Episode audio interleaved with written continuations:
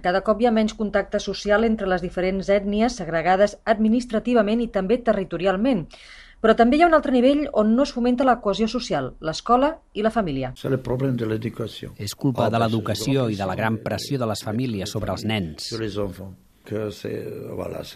és responsabilitat de l'OSCE, que va imposar aquest sistema de separació per evitar conflictes. Però ara els conflictes els tenim a tot arreu i cada dia. Sont partout, tous les jours. Es referia al sistema imposat per l'Organització per la Seguretat i la Cooperació Europa després de la guerra que fa que els alumnes s'escolaritzin en centres on només tenen contacte amb els seus iguals. A més, estudien continguts diferents i oposats, sobretot pel que fa a l'ensenyament de la història. Així que des de petits, els habitants de Bòsnia són encarrilats a viure d'esquenes als altres. Això cal afegir una situació econòmica delicada que fa que cada cop hi hagi més gent que necessiti ajuda fins i tot per menjar.